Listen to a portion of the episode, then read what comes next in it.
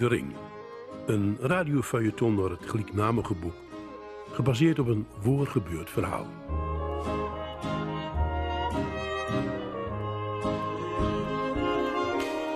Met deze week hoofdstuk 5, waarin hoofdpersoon Johan Schulting studeert, carrière maakt en een relatie begint met Saskia. Maar het verleden eist zijn tol. Ik was een goede student. Al is het wat raar om dat van jezelf te zeggen. Het leren ging me makkelijk af en ontwarpen was mijn lust en mijn leven. En van het geld dat ik met kreeg van Geert Jonkman kon ik me makkelijk redden. Er was zelfs genoeg om studiereizen te maken naar Parijs, Berlijn en Brussel. En ik vergaapte me door aan de nieuwe, moderne bedrijfsgebouwen. De gewone sociale woningbouw trok me niks, daar kun ik niks met. De budgetten waren zo klein dat er alleen maar grote blokken eenheidswoningen gebouwd worden kunnen. En al die huizen niet leken op elkaar in heel Nederland. In een nijbouwwiek stonden, kun je iets niet zeggen in welke plaats zij waren. Alles was gelijk. Nee, daar had ik niks met. In 1968 studeerde ik af, cum laude. Mijn afstudeerproject was een multifunctioneel kantoor, bedrijfs- en winkelgebouw dat ook makkelijk om te bouwen was als woningproject. En met een paar studiegenoten hul ik een gezamenlijk soort eindfeestie, waar niet veel mensen kwamen van mijn kant. Mijn moeder kwam met de trein en tot mijn verrassing kwam Albert Enting met. Ze had hem opbeld omdat ze niet alleen naar Amsterdam wou. En bleek dat ze het er al over had hadden op de begrafenis van mijn opa. En ze straalde, mijn moeder, toen ze mijn bul aan Albert zien leut. Cum laude, zei ze trots. En er hing een wolk van voldane glorie om haar heen. En toen ineens, toen begreep ik dat dit de eerste keer was dat ze echt haar trots kon laten zien. Haar kind, waar ze altijd wat met in de schaduw leefd had, was de beste architectuurstudent van Amsterdam. Albert Enting begreep dat ook. Hij zal het deur vertellen, wus ik. Hij zal in het dorp zeggen, die Johan Schulting, die is in Amsterdam slaagt voor de architect als de beste van zijn hele groep. Dat wordt een beste, dat wordt een hele goeie. Doe doordenken hem, door zullen wij nog van horen. En het dorp zal knikken, en een paar zullen zeggen dat ze het altijd wel dacht hadden. En een ander zal beweren dat al zien haar dat er hier wat bijzonders in het jong zat toen hij nog maar een of tien was. En, en had hij ook niet twee eerste prijzen won met zijn ontwerp voor de feestwagen toen? Nee, het dorp kunt er trots op wezen. Op zo'n gewone jong uit haar eigen dorp, die heel Amsterdam even een poepje reuken luid. En Genini zal ooit nog praten over 18 jaar lang negeren, pesten en achterbaksgefluster. Twee dagen nadat ik mijn bul kreeg, kwam de drie brieven van drie architectenbureaus. Ik kon kiezen uit drie goede banen. En ik keus voor het kleinste, meest gespecialiseerde bureau waarbij ik veel vrijheden kreeg. Ik deed mijn werk met erg veel plezier. En ik telde de uren niet. Als we met een project gangs waren, dan wachtte ik rustig van s'morgens acht tot elf uur s'avonds. Eten deed ik in een paar minuten tussendoor. En ook op zaterdag en zondag was ik vaak op kantoor. Want mijn werk moest en zal op dit klaar wezen en er zal niks op aan te merken wezen. Een fout beschouwde ik als een compleet falen. Ik was de perfectie in eigen persoon. Ik, Johan Schulting, de talentvolle architect die nooit een fout maakte. Voor contacten had ik geen tijd. De enkele keren dat ik de stad nog inging, deed ik dat alleen.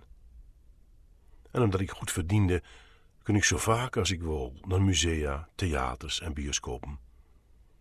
En soms, soms ging ik een keer ergens eten. Misschien een saai leven, maar ik had er genoeg aan. Vergeet niet dat ik niet meer wend was. Mijn hele leven had ik in vriendschappelijke sfeer geen verslag gehad met andere mensen. Ik was in sociaal opzicht een analfabeet. In 1972 nam wij een ander architectenbureau over en ik kreeg een leidende functie. En vanaf die tijd was ik een van de vijf mensen die de beslissings nam. En weer was mijn moeder erg trots. Het leven bestond uit lange werkdagen met af en toe een korte vakantie van een dag of vijf. Op zaterdagmiddag een expositie of soms op zaterdagavond naar het theater of concertgebouw. Jaar na jaar leefde ik zo, kalm en onbezorgd. In een verbouwd pakhoes had ik een mooi appartement kocht en al vlot kwam er een auto.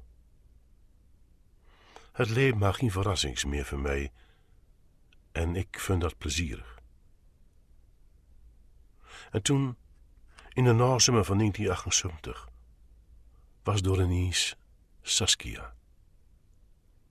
Ik loop op een tentoonstelling van moderne architectuur in de beurs van Berlage, toen ik er letterlijk tegen het lief loop.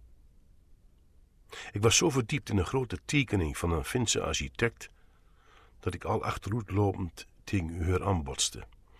Uh, pardon, zei ik. Uh, het was mijn schuld. Ik, ik, ik heb je toch geen pijn gedaan? Ze lachte een beetje en veegde haar pump schoon, waar ik met mijn hak op staan had. Mooi, hè? zei ze, en ze wees op het Finse ontwerp. Gedurfd en sierlijk met dat verfijnde hout. Ik keek er aan en ik zag in haar alle mooie vrouwen van de wereld.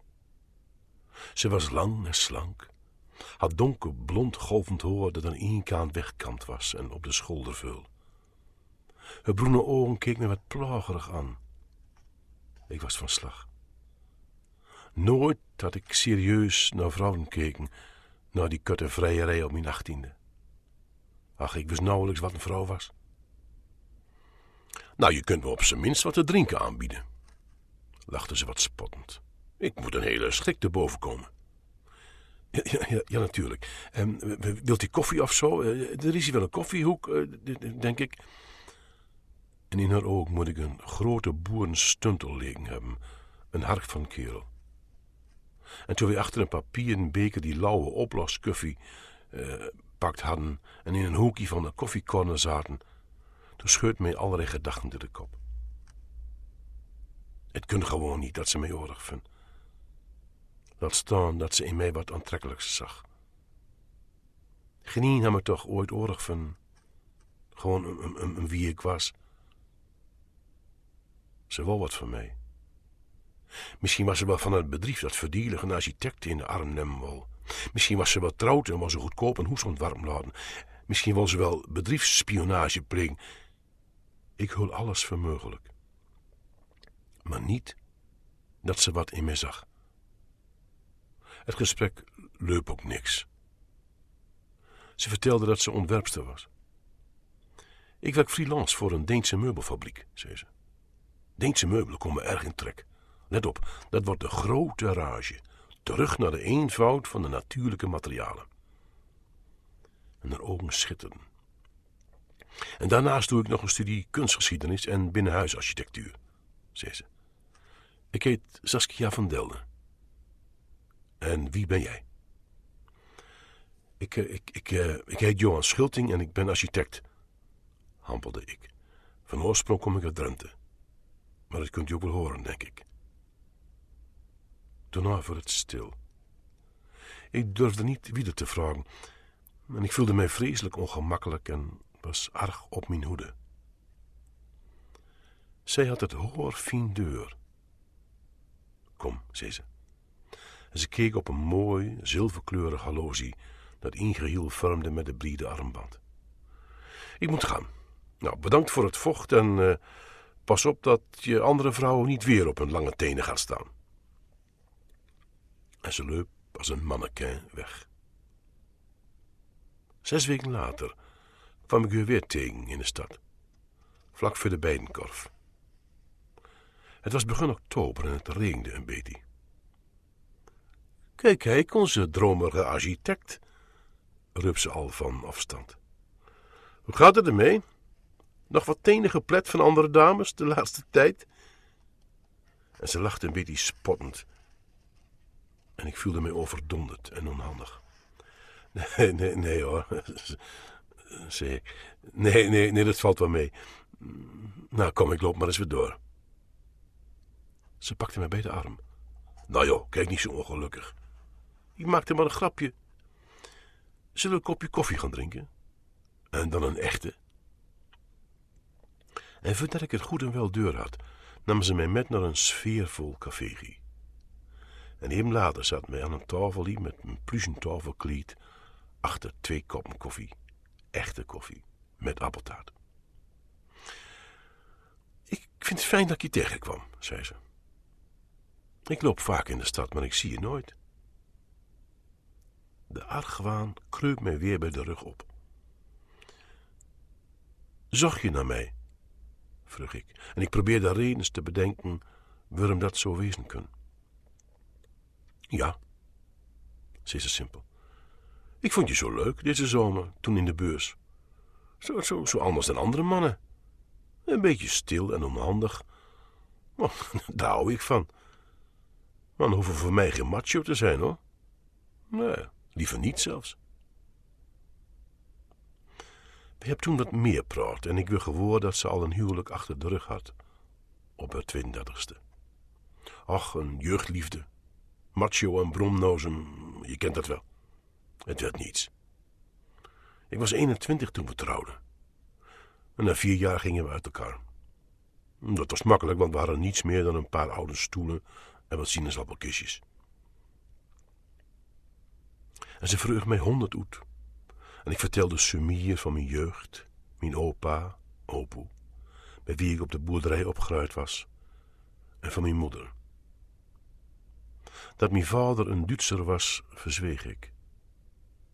Ik zei wel dat hij als soldaat sneuveld was in de oorlog. Na een klein uur stapten wij op. Zie ik je nog eens? vroeg ze. En toen heel vrij. Ik vind je echt aardig, Johan. En zo is het begund. Wij zagen elkaar vaker en ik raakte meer en meer aan haar wend.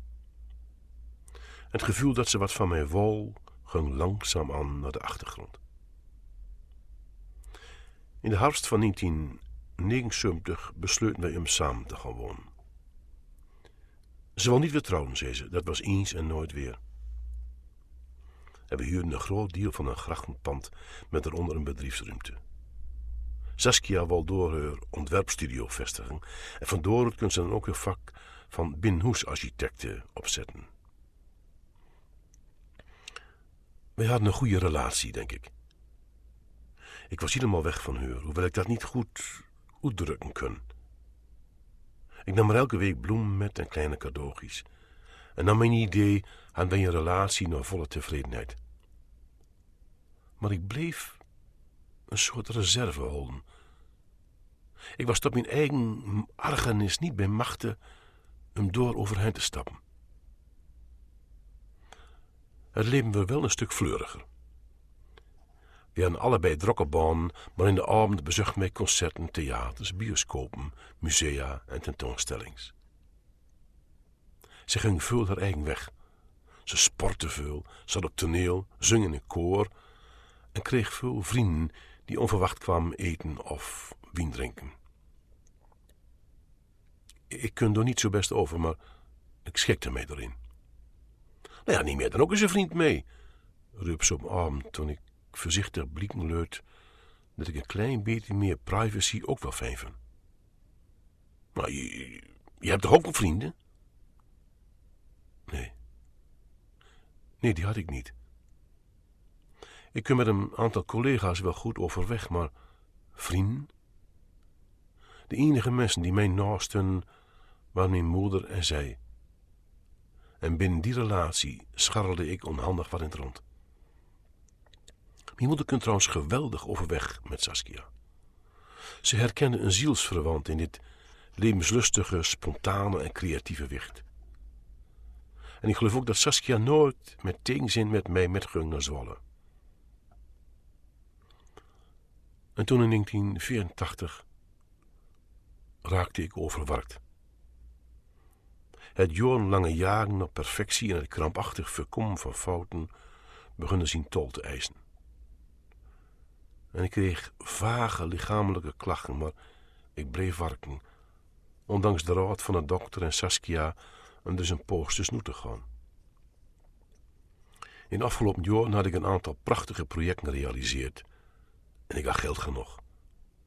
Maar alleen in huis, vermuurd zitten te kijken, dat kun ik niet. En mijn wereld versmalde zich en mijn blik werd nauwer. Saskia hulp mij waar ze kun, maar ik zag dat als inbreuk op mijn zielsleven, waar ik toch ook recht op had, vind ik. En hoe zijn relatie verkilde. In het voorjaar van 1984 kwam tot een breuk. Ze had een andere man leren kennen, zei ze. En om eerlijk te zijn, Johan, ontmoet ik hem al meer dan een half jaar. Het is nog platonisch, maar wel echt. Kijk, Johan, eh, je bent een lieve schat, maar ik kan en ik wil niet met je verder. Ik ga aan jouw moeizame leven langzamerhand kapot. Toen, toen stuitte de wereld voor me in. Voor de zoveelste keer zag ik mij als slachtoffer. En in die tijd heb ik vaak gedacht aan zelfmoord. Saskia regelde alles. Ze ging met mij naar andere hoesten kijken en naar meubels. Want ik had gezegd dat ze alles me. En van een bekende directeur van een grote firma, waar ik net een, een hypermodern bedrijfsgebouw gerealiseerd had, kocht ik een hoes in Laren, in het Gooi. Ach, en ze kwam nog helpen met de verhoezing. En daarna kwam ze nog een keer toen mijn moeder op bezoek was. En een week of wat later kwam ze nog een keer op een zondagmorgen. Met een nieuwe vriend. Ja, ik, ik, ik wil Fred toch even aan je voorstellen, zei ze. Ik wil dat je weet met wie ik verder leef. Fred was een oorige man, denk ik. Speels, hartelijk, open en sociaal. Toen ze wegging, zei ze nog bij de deur... Johan, geloof me, je bent echt een van de liefste mensen die ik ken. Maar samenleven met jou is een heel andere zaak.